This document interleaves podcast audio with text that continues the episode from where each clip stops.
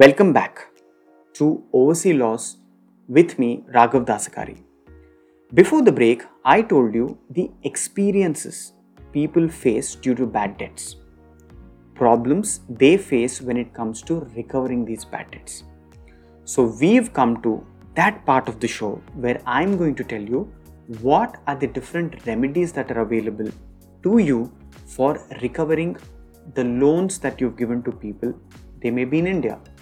The first that I would like to come to is the civil remedies that are available. available. In terms of civil remedies, there are a lot of things an aggrieved party can do, ranging from very simple things like sending a legal notice through a lawyer to things like initiating a civil suit for damages or recovering your loans.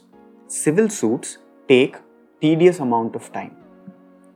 For more serious consequences without delay, the aggrieved party should opt for criminal remedies.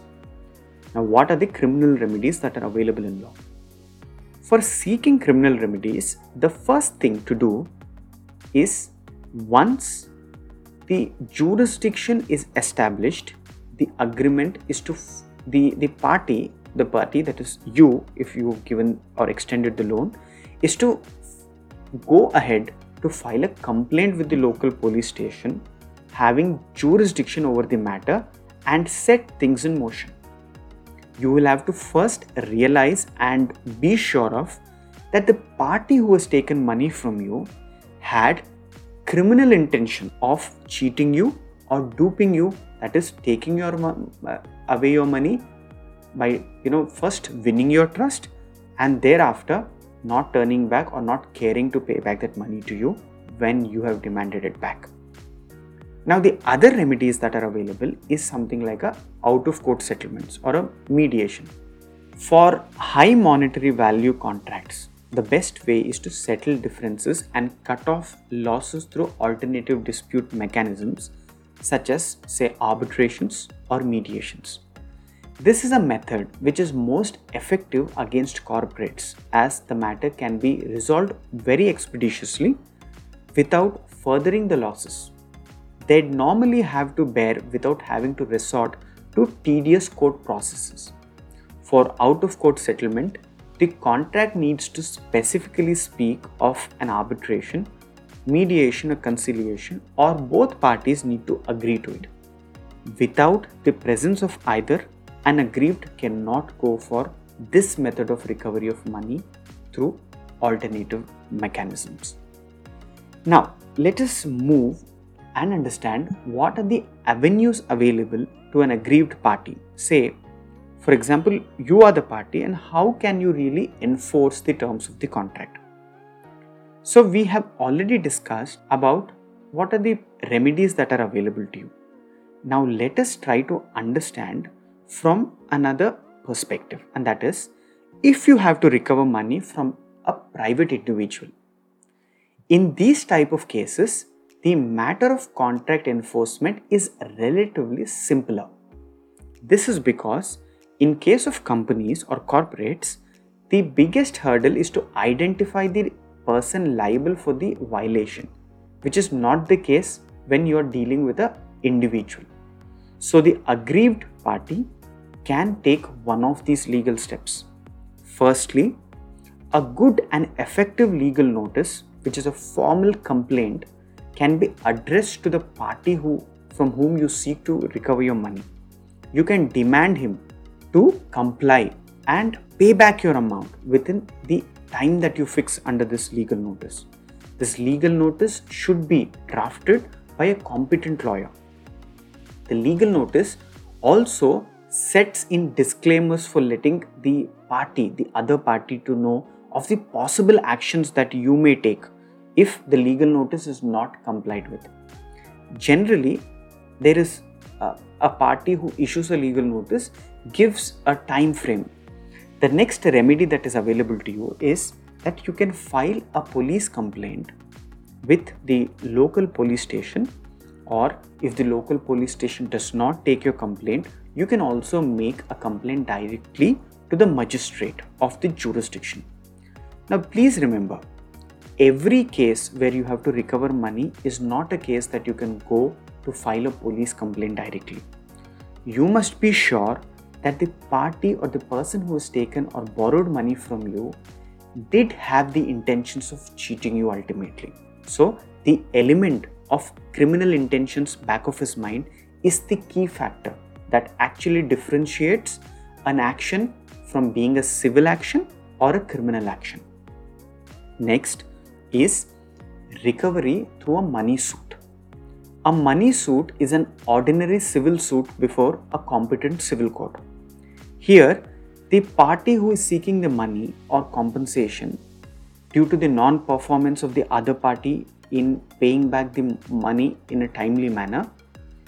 It is preferred that money suits are treated as a summary suit so that the entire matter is disposed of or swiftly that is in a more quicker fashion compared to a regular civil suit.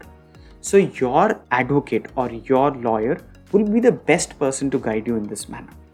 There is actually something called a summary procedure that is available in law where you have a clearly contract that is available which requires the other party to repay back your money, in that case, instead of filing a regular civil suit which takes years together to be resolved, can be approached through a summary procedure. So you will have to discuss this with your lawyer before you venture out to file any particular legal proceedings in the court of law. The next is insolvency petition. This situation that you know rarely happens in any contractual breach. The necessity for filing such a petition may arise only when the aggrieved party did not undertake the necessary due diligence to check the financial health of the breaching party at, this si- at the time of signing of the agreement. In such a situation, an aggrieved has to file a petition after the matter is adjudicated upon. An official liquidator is appointed by the said court who manages the assets of the insolvent person and liquidates them so that all debts and the monies due from the insolvent can be paid off either in full or on pro rata basis to all the creditors of the insolvent. So basically, if the person who owes you money declares bankruptcy, then you will have to go through something called as an insolvency petition and get your money out if the person has some assets in his name. The next is approaching through criminal proceedings.